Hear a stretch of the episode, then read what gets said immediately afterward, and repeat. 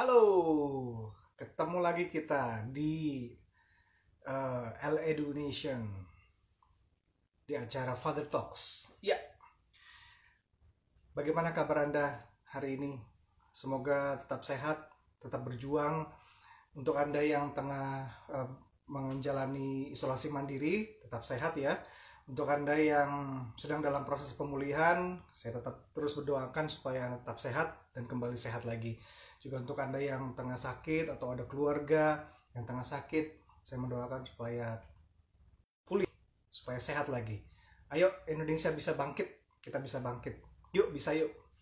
Nah, kali ini kita akan berbicara mengenai history maker, pencipta sejarah, pembuat sejarah.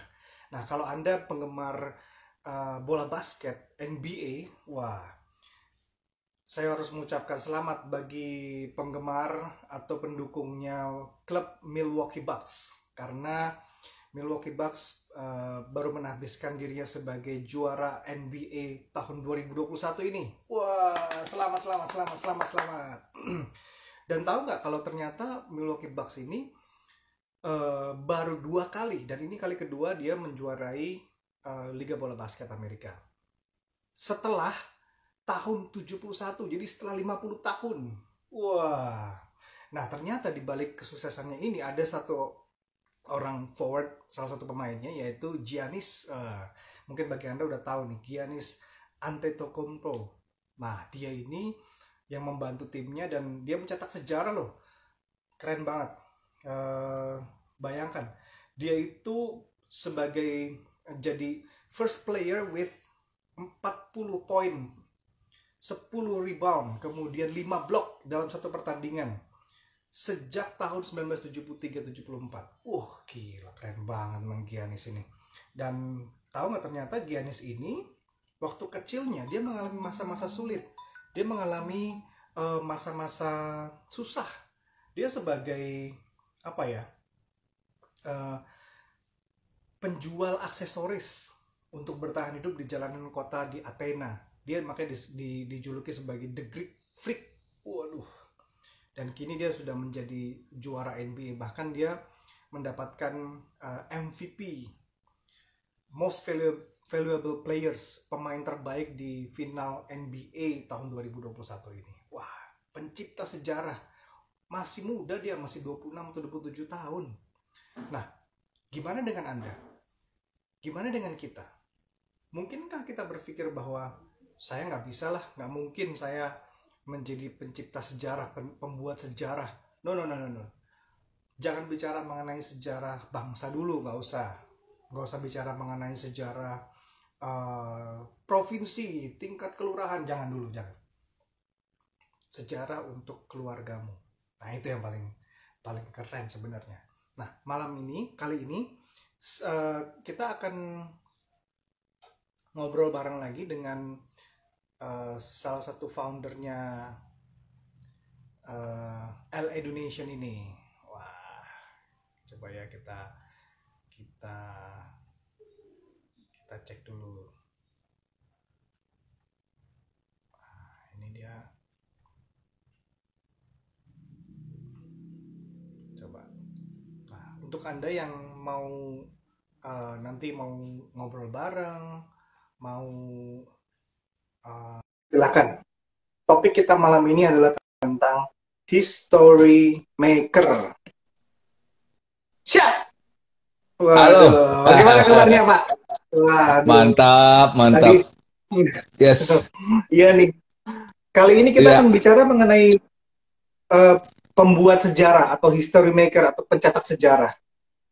Yes. Tadi saya udah ngobrol, saya, saya udah sampaikan bahwa janganlah dulu berpikir mengenai sejarah Indonesia diciptakan atau sejarah bangsa mana gitu. Ya itu kalau misalnya bisa sih bagus banget dan kita akan support gitu ya. Tapi yang yeah. sejarah yang sangat relevan lah, yang sangat terkait dengan kita yang paling deket lah, misalnya keluarga. Pak, pertanyaannya gini, perlukah yeah. kita bapak-bapak menjadi pencetak sejarah atau history maker? Oke, Jawabannya pasti perlu, ya kan? Oh. Pasti perlu. Kalau minggu lalu kita belajar, ya kan, tentang bagaimana seorang pendeta namanya Jonathan Edward ya kan. Lalu ada juga penjahat yang namanya Max Jukes. Ya, jadi uh, bagaimana dua orang ini ya kan hidup di zaman yang sama di abad ke-17 ya kemarin saya bilang abad 18 ya.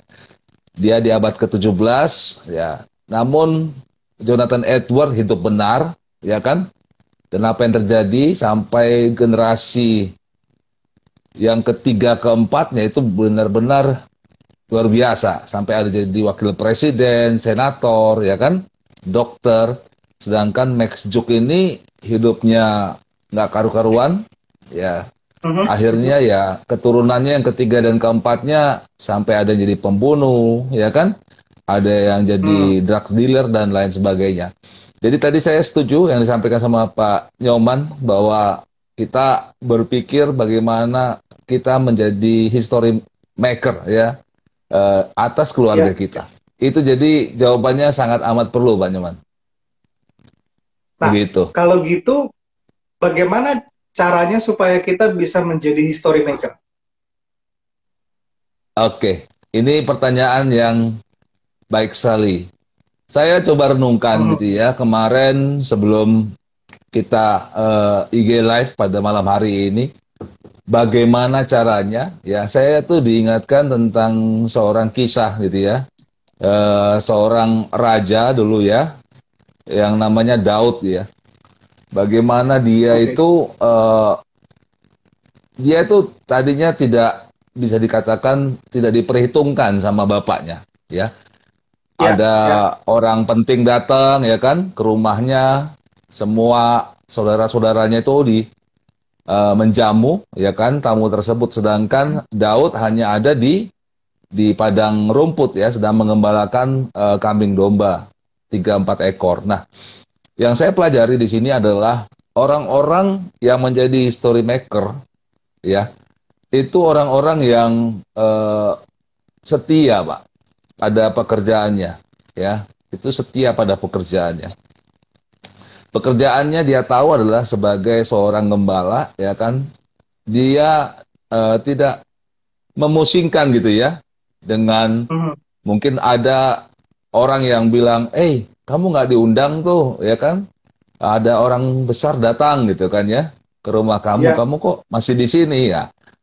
Tapi dia dengan tetap dengan setia dia melaksanakan tugasnya kan hanya untuk dua tiga ekor kambing domba Lalu yang kedua saya catat juga adalah bahwa Daud ini dia tidak pendendam, Pak.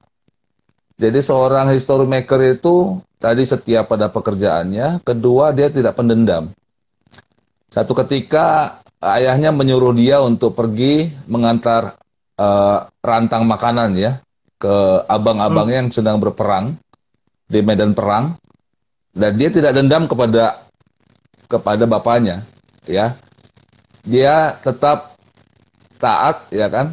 Dia melakukan tugas yang kecil ya yang kecil. Dan hal yang kecil itu nah ini yang saya juga coba sampaikan pada malam hari ini bahwa kita history maker itu kita jangan memandang itu besar atau kecil. Apa yang disuruh oleh bapak kita ya kan itu lakukan lakukan karena kita tahu kisahnya ketika dia taat, dia lakukan, dia ketemu dengan promosi yang dari Tuhan yang namanya Goliat ya. Ketemu dengan Goliat. Ya, di situ akhirnya kita tahu bahwa dia bertempur dan akhirnya eh, Daud uh, menang dan menjadi orang yang terpandang di kerajaan tersebut sampai menjadi raja. Nah, jadi kalau bisa dikatakan bahwa kita bapak-bapak uh, harus pertama adalah kita setia pada pekerjaan. Dan yang kedua kita tidak memandang itu besar tidak atau kecil. Betul, tidak pendendam ya kan? Dan juga kita melaksanakan semua tugas. Mau besar mau kecil ya kan? Siapa tahu ya seperti yang tadi dikatakan pada kisah ya ketika Daud setia itu merupakan promosi yang datang buat dia. Ah seperti itu Pak Nyoman. Oke, berarti dia harus uh, ini kita baru baru bicara di awal udah ada uh, hal-hal yang bisa kita tangkap nih bahwa kita harus setia dalam setiap pekerjaan yang yang diberikan sama kita. Jangan pandang yes. bahwa ah gue cuma kayak contohnya si Daud tadi, ah gue cuma jaga kambing domba ya udahlah gue hmm, biasa-biasa aja lah gitu. Toh cuma tiga empat ekor ya nggak usah terlalu gimana-gimana gitu kan. Tapi kalau dengar juga kan ceritanya Daud ini walaupun dia cuma tiga empat ekor tapi singa juga masih tetap doyan sama domba gitu kan bahkan dia sering sering juga ber uh, menyelamatkan domba-domba yang cuma tiga empat ekor itu dari dari Betul. dari singa yang musuh yang padahal lebih lebih besar gitu ya wah ya gitu oke, oke. Nah ini berbicara tentang keluarga sebenarnya Pak Nyoman dua tiga ya. ekor gitu kan ya itu berbicara tentang satu keluarga ya kan kita sebagai pemimpin, sebagai imam di rumah, ya hanya mungkin dengan istri, lalu ada anak satu dua gitu kan ya, jumlahnya mungkin tiga atau empat, ya sama seperti itu. Tapi kita bertanggung jawab. Nah ini yang menjadi hal yang perlu dipertanyakan. Bertanggung jawab sungguh-sungguh gitu ya. Kita tahu kisahnya Daud, dia sampai rela gitu ya, uh, dia berjuang demi dua tiga ekor kambing domba gitu ya. Padahal kalau di ya, ya. mungkin diduitin ya kan harganya nggak seberapa. Nah, bagaimana dengan kita uh, sebagai pemimpin di rumah ya kan dengan dua tiga atau empat anggota keluarga gitu ya yang Tuhan percayakan buat kita, apakah kita bertanggung jawab buat mereka? Nah, itu yang saya bilang bahwa basicnya juga adalah tanggung jawab. Sebagai seorang history maker, kita harus bertanggung jawab. Begitu, Pak. Hmm. Wah, wah, wah. Oh iya, benar juga ya. Dari apa yang di, yeah. di, diberikan kepada kita, uh, istri, anak-anak, kalau kita, ah udahlah biarin aja lah, toh mereka bisa gitu, misalnya segala macam, terus nggak dijaga gitu, malah di, nanti di dalam tanda petik ya di dimakan singa gitu kan dimakan singa-singa dunia yang yang lebih ganas nantinya gitu ya. Betul betul Wah. betul. Oke oke. Lah terus nah. kalau dia udah ya. uh, kalau misalnya dia setia apakah ada ganjarannya ada ada rewardnya gitu loh Iya, kalau berbicara tentang kesetiaan ya, ini memang sering kali kontradiktif dengan apa yang diajarkan oleh dunia gitu ya. Orang dunia memandang kesetiaan itu seperti apa gitu ya. Namun kalau kita melihat bagaimana kita setia memang karena dengan tulus hati kita setia. Ah, seperti itu. Ganjarannya tadi yang dikatakan dari sisi mungkin dunia kita akan dicibir, Pak. Ya, ya. dicibir Betul. ya kan, diketawain ya kan, uh, mungkin bapak gitu kan ya uh, di dalam pekerjaannya dituntut gitu kan ya untuk untuk melakukan hal-hal yang tidak benar gitu kan ya. Dan hanya dia dan Tuhan yang tahu gitu ya. Lalu atasannya menyuruh untuk melakukan hal tersebut. Nah kesetiaan ketika kita setia gitu ya kita setia dalam hati kita berkata nanti bagaimana istri anak saya gitu kan ya saya bagaimana tidak menjadi contoh buat mereka, jadi tauladan ya kan. Nah, sering kali kalau kita uh, berkata demikian kita akan dicibir oleh dunia. Jadi itu memang konsekuensinya yang akan didapat, ya. Tapi buah daripada kesetiaan itu luar biasa, Pak. Itu luar biasa. Itu uh, sangat-sangat uh, tak ternilai, ya, buah daripada kesetiaan itu. Wah, ini berat juga ya. Baru baru awal kita bicara mengenai kesetiaan ini. Waduh, iya. mana zaman sekarang harganya mahal loh itu kesetiaan kan? Aduh, mahal. Mahal, mahal sekali ya. Mahal dan uh, sering kali ya, sering kali itu uh, pemikiran-pemikiran dunia membuat sedemikian rupa sampai sepertinya masuk akal gitu loh, supaya kita tidak setia. Hmm. Nah, seperti itu. Jadi uh, akan ada perdebatan-perdebatan gitu ya. Tapi ketika kita memilih untuk setia dengan tulus hati ya kan, uh, itu luar biasa. Saya tidak bisa menggambarkan apa yang akan diberikan gitu kan ya oleh Tuhan sang ya. pencipta rewardnya gitu ya karena memang itu hal yang uh, bukan dari dunia, Pak. kalau saya bisa katakan. Karena kalau, kalau, kalau berbicara mengenai berbicara mengenai kesetiaan, maka itu pasti membutuhkan waktu ya. Waktu dalam artian nggak mungkin kita cuma setia satu bulan aja, tiga bulan aja gitu kan. Betul. Bahkan betul. sepanjang umur hidup kita kita harus setia pasti kan. Yes, yes, yes. Ya. Lalu yang kedua tadi tentang uh, apa? Uh, yang saya sampaikan adalah bagaimana juga uh, dia bertanggung jawab, ya kan?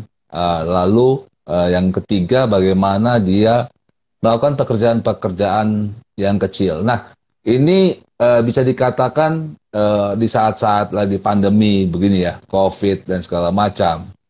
Uh, banyak hal yang sebenarnya uh, coba kita melihat apa sign ya atau tanda-tanda gitu ya untuk kita dapat belajar Pak. Belajar hal-hal baru gitu ya. Yang mungkin kita pikir itu adalah hal-hal yang kecil ya. Contohnya hmm. gitu ya. Contohnya ketika kita tergerak gitu ya untuk belajar tentang uh, misalkan uh, online ya marketing gitu ya. Uh, kita tadinya nggak bisa ya nggak terbiasa gitu ya. Tapi ada kegerakan di hati untuk kita belajar buka toko ya kan? Di online ya kan? Uh, lalu kita mulai belajar saya nggak punya barang tapi bisa dengan cara mungkin dropshipping gitu kan ya? Atau kita sebagai perantara lalu kita dapat uh, margin di situ. Nah itu hal-hal kecil yang sebenarnya yang uh, apa ya kalau saya bilang banyak sekali uh, dibukakan di saat-saat pandemi itu ya uh, karena kita di rumah saja, ya kan, Ber, uh, bergaul dengan dunia internet gitu ya.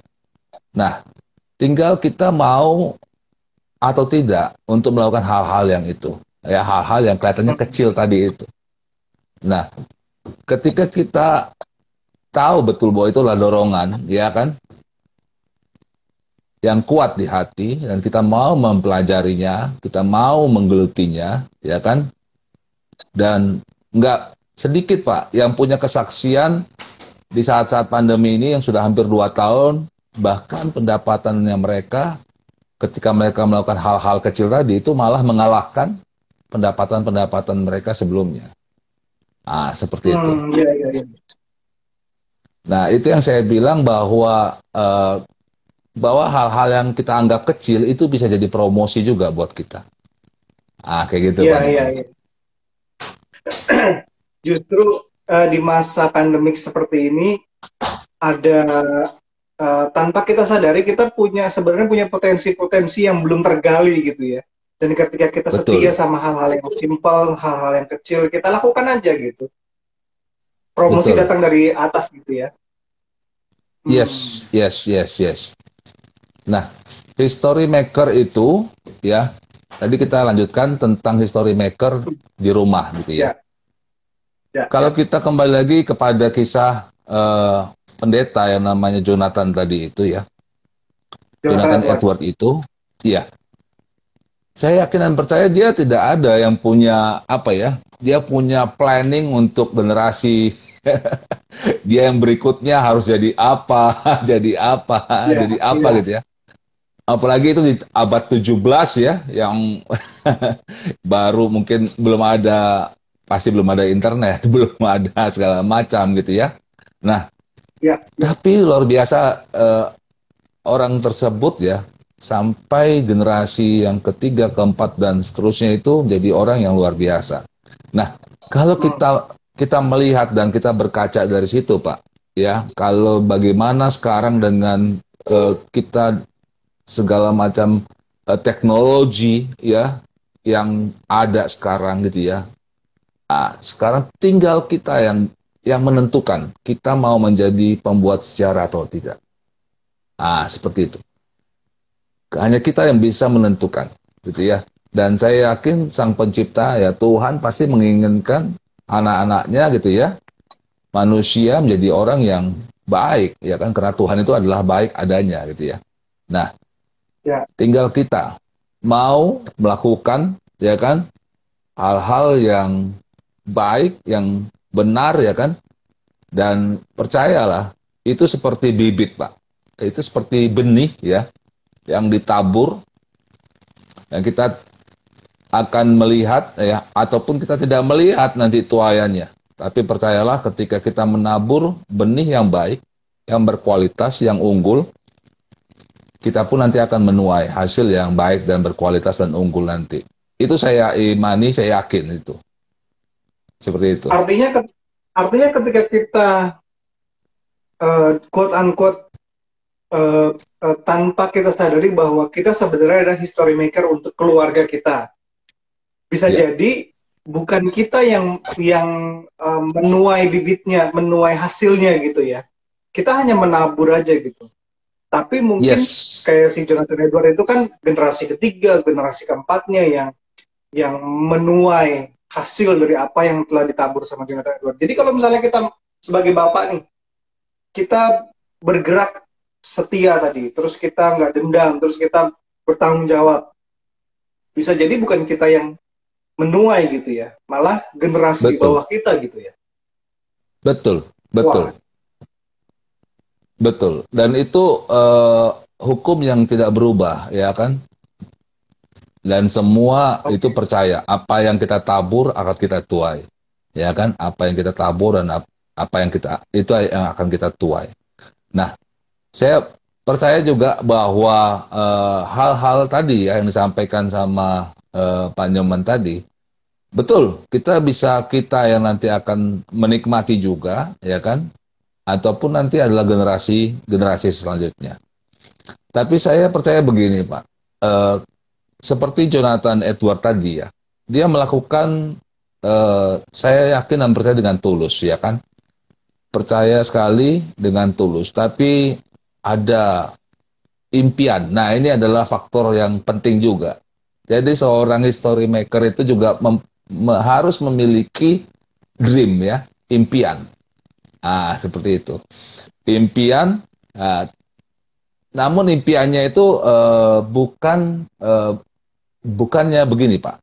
Saya yakin impiannya itu bukan yang yang ukurannya adalah ukuran uh, ukuran yang dipakai oleh dunia. Maksudnya gini, yang artinya nanti wah anak cucu saya ya kan jadi uh, gubernur ya kan, anak cucu saya nanti jadi dokter gitu ya. Kalaupun nanti dapat seperti itu ya puji Tuhan ya kan, itu ya, ya berkat betul. Tuhan. Tapi saya yakin ya juga adalah Jonathan Edward ini dia punya impian kepada anak cucu dan cicitnya adalah bahwa mereka nantinya adalah juga sebagai hamba-hamba Tuhan. Artinya bukan titelnya pendeta, tapi orang yang hidup dalam kebenaran. Yang hidup dalam jalannya Tuhan. Saya yakin itu adalah impian daripada Jonathan Edward. Sehingga eh, kalau yang namanya tadi titel ya, ada dokter, ada wakil presiden, ada senator, itu semuanya titel dari dunia. Tapi seorang yang benar, dia tuh punya dreams, punya impian, ya, seorang history maker itu adalah anak cucunya itu adalah nantinya jadi anak-anak Tuhan, orang-orang benar yang hidup dalam kebenaran, yang berjalan dalam jalannya Tuhan. Saya yakin seperti itu, Pak. Oke. Jadi udah udah udah terbongkar beberapa hal nih kalau untuk menjadi seorang history maker tuh yang pertama dia setia yeah. dalam pekerjaannya, tidak pendendam, ya kan, bertanggung jawab, yeah. terus yes. punya mimpi, punya impian. Iya. Yeah. Waduh. Ini agak agak agak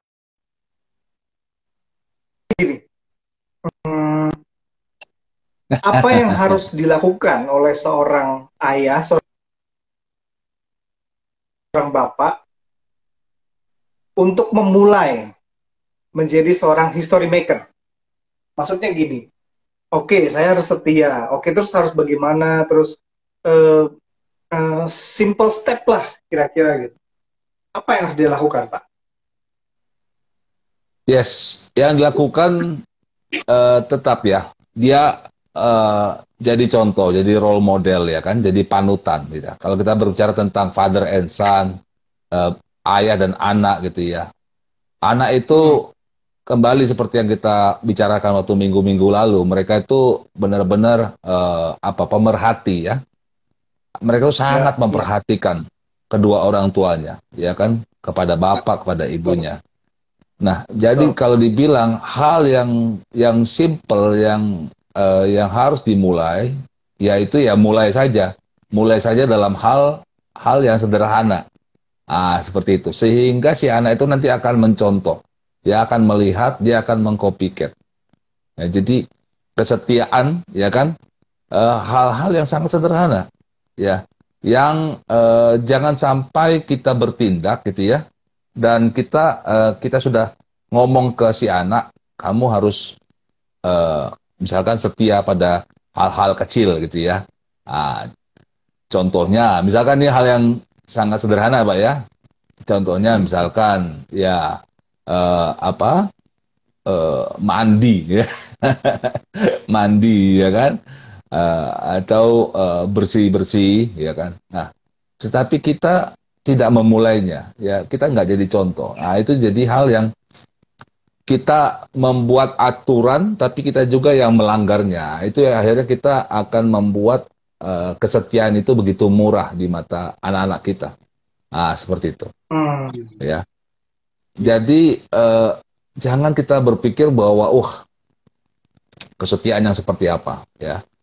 Tapi buat hal-hal seperti aturan-aturan tadi ya kita komit untuk melakukannya juga ya. Jadi tidak kita yang buat terus kita yang langgar wah itu bahaya sekali ya. Jadi kalau dibilang mulai daripada hal-hal yang kita ciptakan Mbak Nyoman ya. Aturan-aturan yang kita ciptakan ya kan sebagai bapak sebagai suami ya kan dan kita tidak tidak melanggarnya. Itu itu saya bilang adalah belajar tentang kesetiaan dari hal-hal yang kecil. Nah itu saja sih yang dimulai lebih awal ya sehingga eh, baik anak maupun istri dia akan respect ya akan respect dengan eh, pendirian kita akan respect dengan yang namanya eh, pilihan kita untuk tetap setia dengan apa yang kita katakan. Kayak gitu pak. Oke. Okay. uh, kita masih di uh, acara Father Talks. Uh, malam ini kita masih ngobrol tentang uh, history maker, pencipta sejarah, pembuat sejarah untuk Anda tadi uh, sudah ada beberapa hal yang disampaikan oleh Pak David. Kalau mau jadi history maker itu apa sih misalnya? Dia harus setia dalam pekerjaannya, dia tidak berdendam, kemudian bertanggung jawab, terus uh, misalnya ya belajar hal-hal yang baru, belajar hal-hal yang simple tadi, terus punya impian, punya mimpi, dan ya. melakukan yang dari hal-hal yang sederhana, melakukan dari hal-hal yang uh, simple saja tadi yang disampaikan sama Pak. Oke, seberapa ya. pentingnya kalau Bapak ini melakukan hal yang penting, yang simple, sehingga ini bisa berdampak sama anak-anaknya?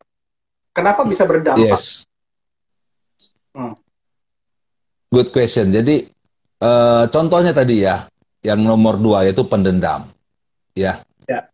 Pendendam uh, kita juga pernah cerita ya uh, tentang ketika misalkan ada ya keributan ya antara kita dan anak kita. Ya, bapak dan anak gitu ya. Ada hmm. salah mungkin pendapat atau dia berbuat salah atau kayak gimana. Ya kan? Uh, atau sebenarnya ya kita yang salah uh, mengerti ya kan? Anak kita ya. Jadi situasinya ya saling inilah berpegang kepada saya yang benar gitu ya. Nah tidak pendendam tadi yang saya katakan. Seberapa besar hatinya kita sebagai bapak-bapak mau datang kepada anak-anak kita? Ya untuk minta maaf ya kan? Untuk ya. mengaku salah gitu kan ya karena yang kita hadapi ya ini adalah uh, orang yang menangkap benih-benih yang kita tabur ya. Dan apalagi ini adalah kalau dikatakan orang yang terdekat ya, dan yang tersering ketemu saat ini apalagi saat pandemi saat ini yang sedang uh, di rumah saja ya. Mereka itu haus dan lapar pak ya dengan apa yang kita tabur ya kan kita tabur kita tabur kita tabur nah ini yang saya katakan bahwa ya ketika kita menabur gitu ya dengan yang namanya tidak mendendam ya kan itu akan dikenang sama dia sampai sepanjang hayatnya. Itu saya yakin nih. ya. Itu akan dikenang, Benar-benar akan dikenang. Ya, seorang bapak ya kan minta maaf, mengaku salah, ya kan? Ya kan terus dengan dirangkul, dipeluk ya kan? Dicium gitu kan ya. Ya, itu apa ya si anak itu biasanya kalau kayak gitu tuh pasti dalam tanda kutip agak-agak jual mahal tuh eh, ah, udah udah gitu ya ah enggak enggak gitu ya tapi ketika si bapak dengan tulus hati memeluk ya kan minta maaf menciumnya itu si anak tuh bisa air mata tuh bisa mengalir gitu ya bisa mengalir ya kan si bapak juga bisa mengalir dan itu itu yang tidak ternilai Pak Nyoman itu hal yang kecil, ya. Tapi itu usianya bisa puluhan tahun. Dan itu akan terbawa terus, terbawa terus sama dia, akan terbawa terus sama dia, gitu ya. Dan itu yang saya pelajari tentang artinya tentang uh, tidak mendendam tadi itu, ya. Seperti itu, Pak. Wah, tanpa disadari dengan kita menabur sebagai seorang ayah atau seorang bapak yang mau mengampuni, mudah memaafkan, mudah memeluk, mudah meminta maaf gitu. Kita yes. menanamkan sebuah benih yang nanti akan dirasakan oleh generasi-generasi selanjutnya. Saat sang anak menjadi orang yang mudah mudah juga untuk meminta maaf dan terbuka, open bahkan. Wah itu jadi jadi keren nantinya. Dan tanpa disadari dia sudah menjadi seorang history maker gitu kan? Yes. Nah kalau misalkan begini Pak. Ada juga case yang seperti ini. Kalau misalkan di atasnya uh, saya misalkan atau di atasnya Pak Nyoman itu adalah uh, bapak yang keras gitu ya bapak yang suka memukul bapak yang suka uh, apa namanya wah berkata-kata kasar gitu kan ya nah saya bilang bahwa kita di titik kita, kita ini menentukan kita mau jadi history maker untuk memutus mata rantai itu, ya kan? Atau tidak? Ah, gitu. Kalau kita mengikuti, kita akan meneruskan terus, Pak. Sampai nanti anak cucu yeah. cicit kita yeah. juga akan terus. Tapi kalau yeah. kita yeah. memutuskan untuk saya harus jadi history maker, ya, saya harus jadi orang yang pertama dalam generasi ini, gitu kan ya yang tidak kasar ya kan, yang sopan tutur kata ya kan, yang penyayang ya, yang hangat dengan anak, dengan istri. Nah, itu bukannya hal yang bisa dikatakan sebagai pembuat sejarah, Pak. Kalau saya sih yakin itu iya. sebuah pembuat sejarah. Kayak gitu, Pak. Iya, iya. Iya, mungkin pertanyaannya gini ya ah ya. bapak gue kayak begitu kakek gue kayak begitu ya udahlah gue mendingan kayak gitu aja gitu kan iya. sering kali kan gitu kan betul Buat betul apa gue harus berubah gitu betul betul padahal kita nggak sadar kalau kita mau menjadi history maker seperti yang tadi Pak Nyoman katakan di awal benar bukan untuk apa ukurannya negara dulu ataupun provinsi ataupun kelurahan dulu Enggak, tapi di keluarga kita dulu, gitu kan ya. Di generasinya kita, ya kan kita mau menjadi pembuat sejarah. Oke, kita mulai. Ya kalau istilahnya tuh mulai dari angka nol gitu pak ya. mulai dari angka mulai nol dari dulu. nol gitu ya. Nah, mulai dari nol dulu. Macam mesi bensin gitu ya. Mulai iya, dari betul, nol ya. betul. Mulai dari nol. iya, iya. Nah, berarti kalau misalnya contohnya tadi yang kan ada generasi di atas kita yang uh, berlaku suka berlaku kasar, pendendam gitu kan. Iya. Apa untungnya kalau dia berubah gitu, Pak? Apa untungnya kalau dia mengambil keputusan saya harus memutus mata rantai ini? Untungnya buat dia apa, Pak? Yes. Nah, untungnya tadi seperti yang dilakukan oleh eh, orang-orang uh, ya yang mau memutuskan itu untungnya itu bukan hanya untuk dia tapi untuk generasi-generasi hmm. berikutnya ya kan uh, kalau dibilang uh, begini jadi ada kalau saya tangkapnya ada dua hal pak. Dua halnya gini ketika kita berubah ya kan puji-puji Tuhan ya kalau akhirnya uh, tadi seperti contoh ya bapak kita bisa berubah juga. Ya kan? Uh, tadinya kasar jadi sopan jadi lembut ya kan? Jadi penyayang. Wah itu beruntung sekali. Tapi kalaupun tidak ya kan yang kedua ya walaupun tidak berubah atas kita tapi bawah kita pasti berubah pak Hmm. Maksudnya generasi-generasi yang di bawah kita itu sudah pasti berubah.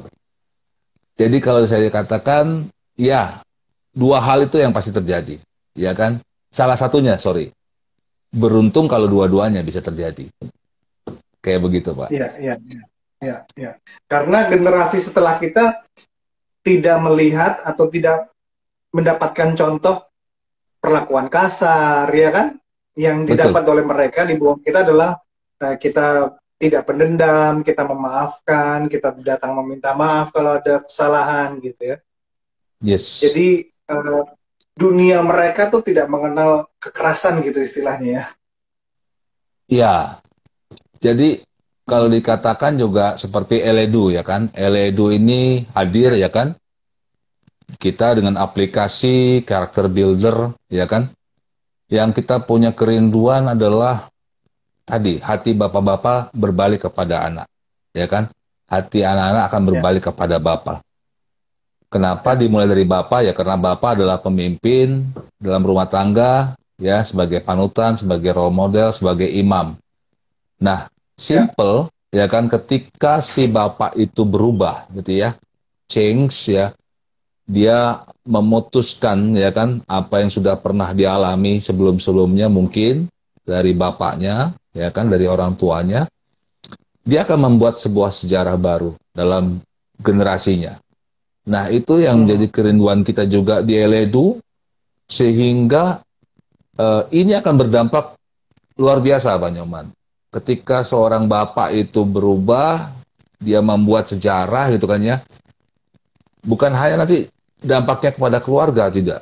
Dia akan semakin nanti bertanggung jawab pada kantornya, pada perusahaannya ya dia tadi akan menjadi uh, setia ya kan kepada perkara-perkara kecil yang mungkin disuruh diminta sama atasannya ya kan bisa seperti misalkan di lembu apa disuruh lembur ya kan disuruh apa lebih cepat menyelesaikan uh, masalah ekstra effort dan segala macam karena tadi itu sudah terbentuk karakter yang baru kepada si bapak itu. Nah, ini yang uh, kerinduan daripada kami juga ya daripada kita untuk aplikasi ini LE2 ini hadir gitu ya. Seperti itu. Hmm. Iya, iya, iya. Supaya ada perubahan dalam dunia perbapaan.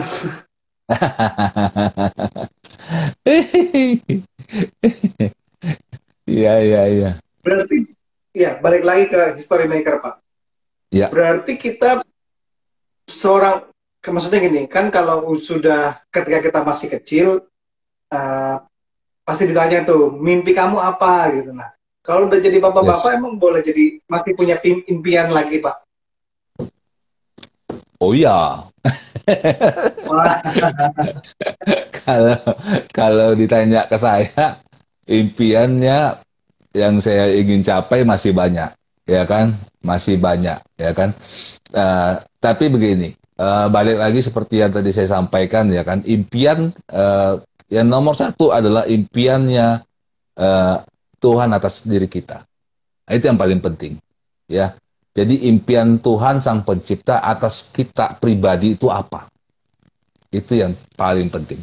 Sebelum kita punya impian-impian membangun bisnis baru, perusahaan baru atau apa gitu ya. Namun yang nomor satu yang saya dapatkan adalah apa yang menjadi impiannya Tuhan. Jadi eh, apa purpose-nya Tuhan atas kita.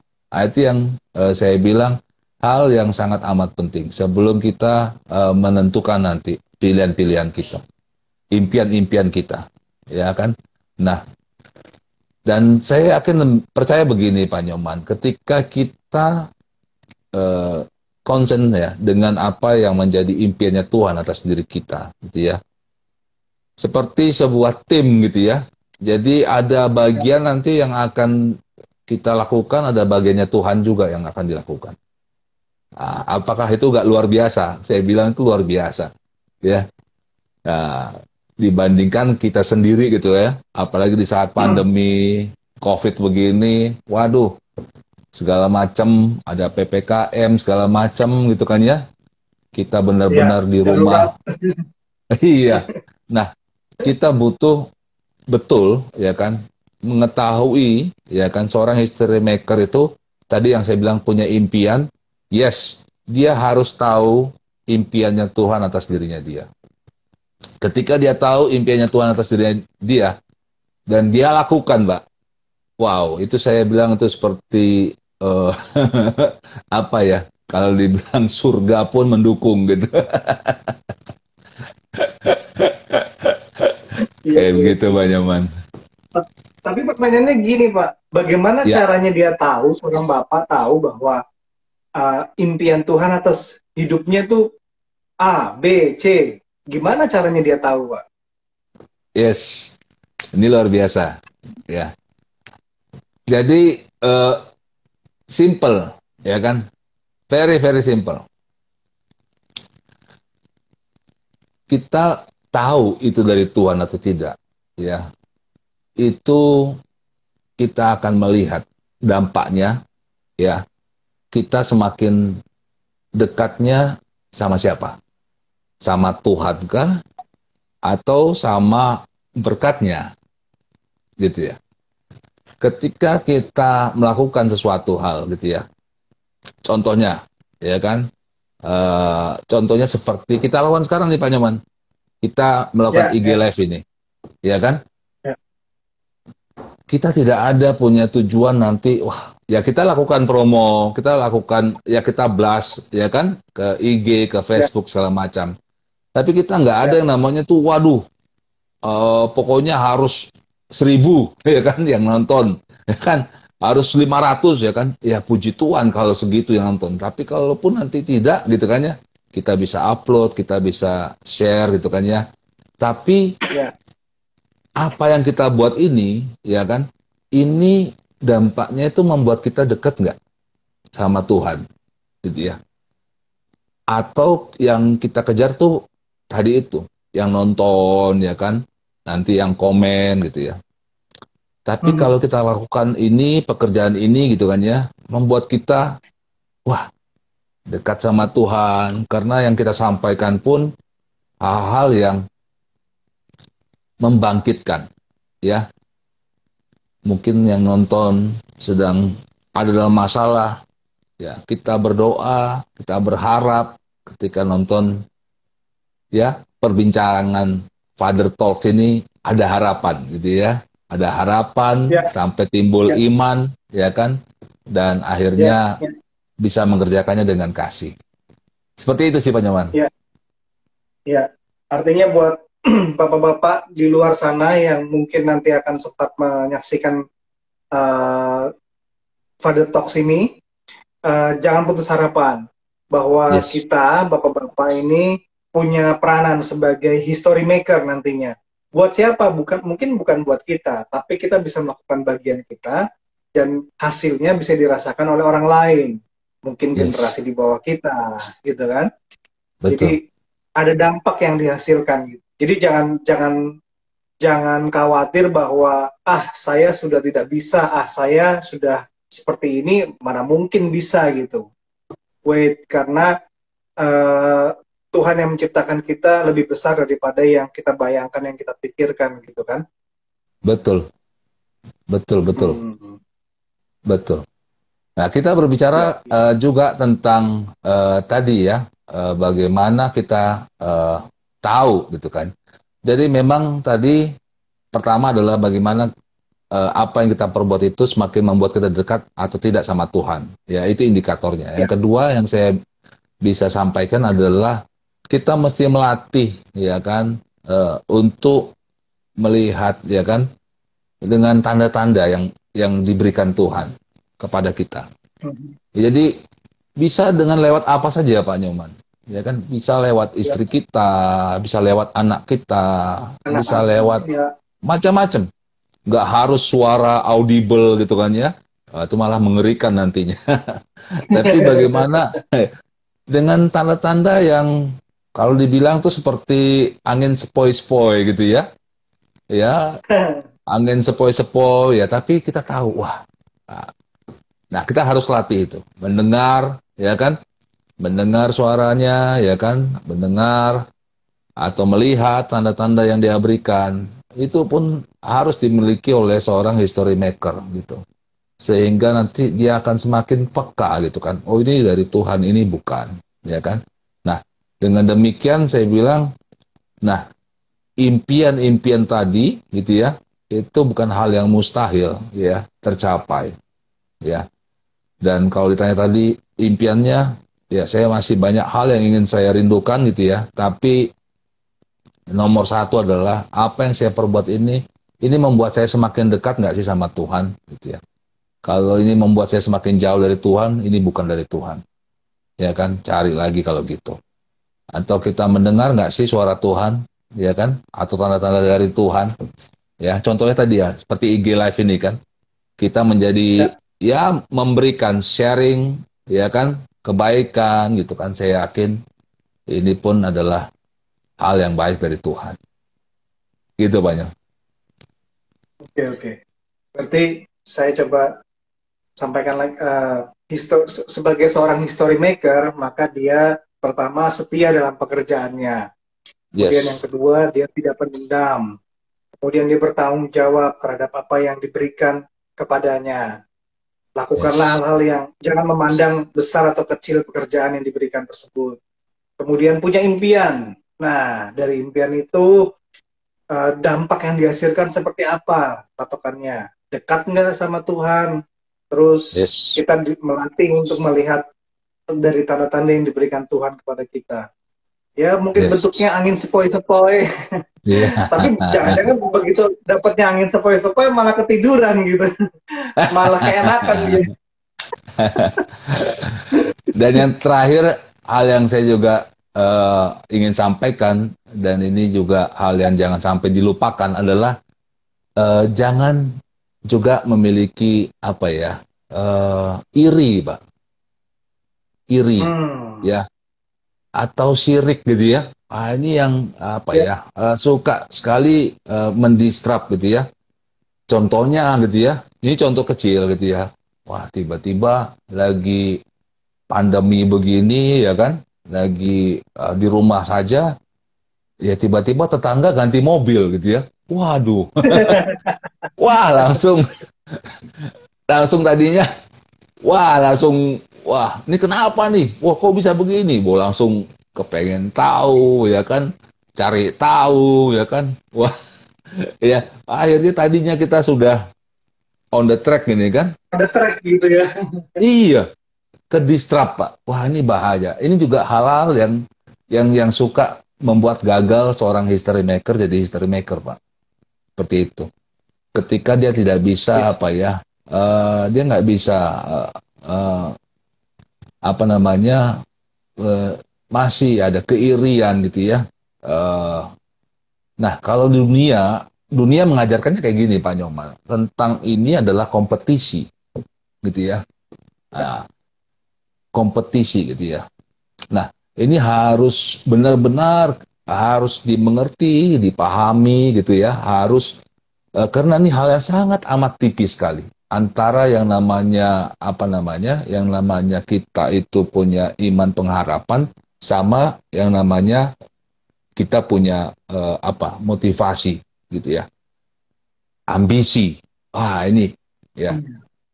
Ini yang acap kali itu mendistract ya kan, mendistrap uh, dan akhirnya gagal.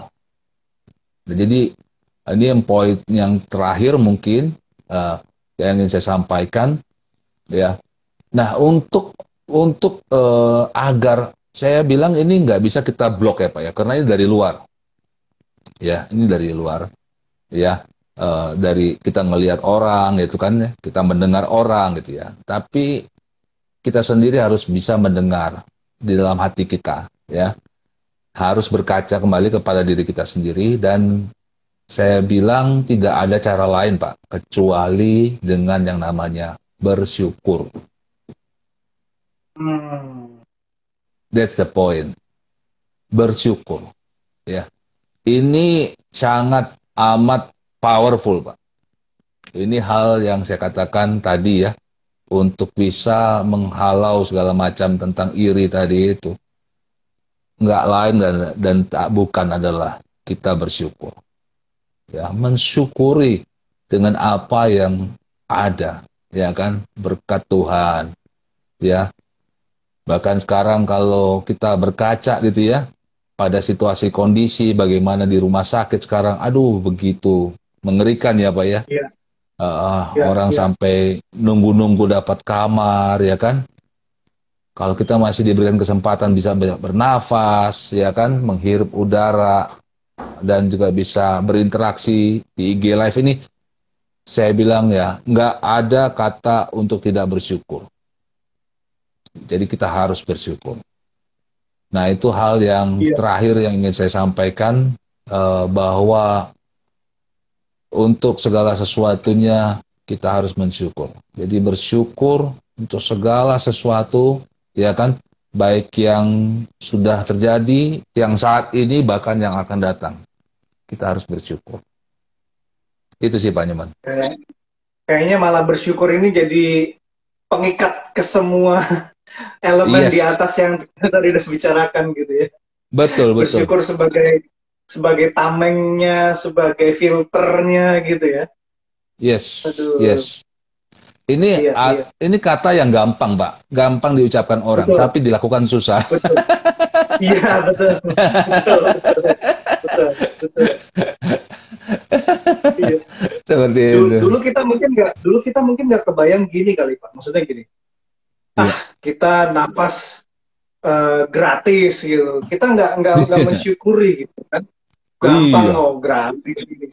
tapi sekarang wih di adanya COVID-19 ini tabung iya. oksigen laris oksigen Betul. sedikit Betul. Betapa berharganya kita bisa bernafas dengan berharganya. bebas gitu.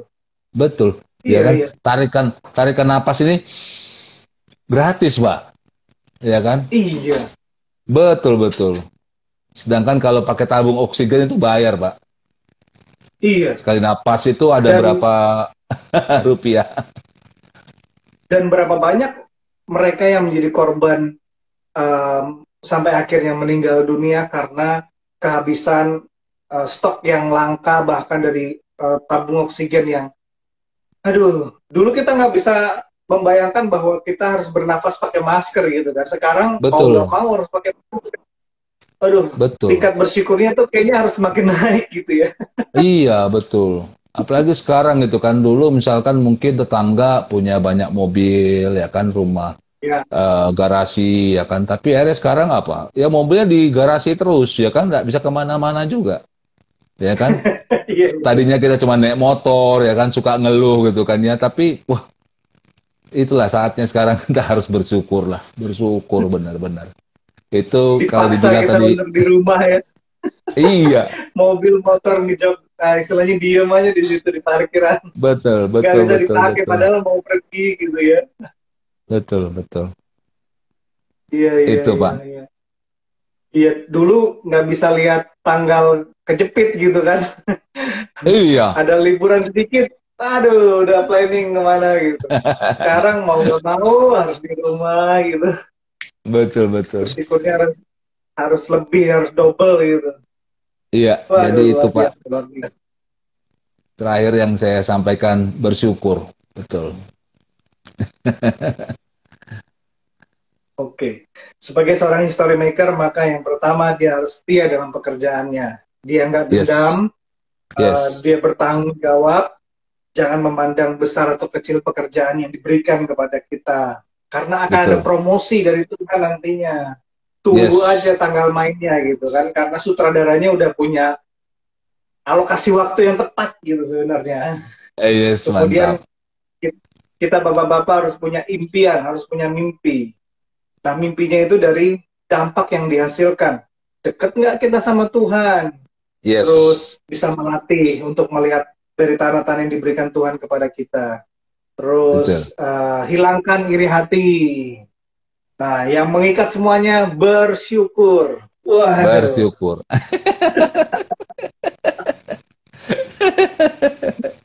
Iya.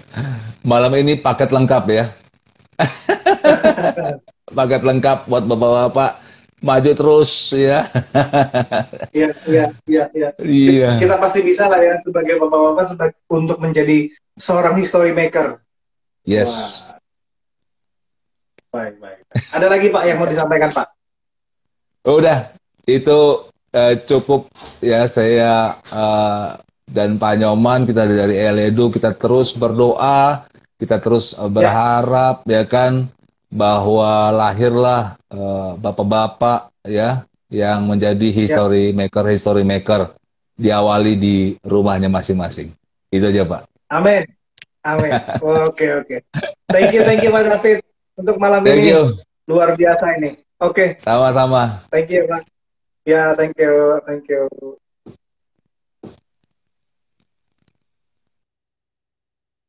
Oke. Jadi, Anda sebagai bapak-bapak, kalau pertanyaannya adalah, mungkinkah saya bisa menjadi seorang history maker? Mungkin. Pasti bisa. Entah Anda yang memutus rantai untuk Anda menjadi seorang history maker buat generasi di bawah, atau Anda yang melakukannya secara sederhana tadi, hal-hal simpel yang bisa dilakukan. Lakukan aja. Jadi seorang history maker itu berdasarkan dari ceritanya uh, Nabi Daud atau Raja Daud ya, dia setia dalam pekerjaannya yang pertama. Dia tidak dendam. Dia bertanggung jawab. Dia tidak memandang besar atau kecil pekerjaan yang diberikan kepada dia. Tapi dia lakukan dengan setia. Kemudian dia punya mimpi. Dia punya impian yang besar sebenarnya. Nah, impiannya itu dilihat dari dampak yang dihasilkan. Dampak yang dihasilkannya seperti apa? Deket nggak sama Tuhan atau eh, melatih dia untuk melihat dari tanda-tanda yang diberikan Tuhan. Jadi bentuknya macam-macam. Tapi Anda yang paling tahu.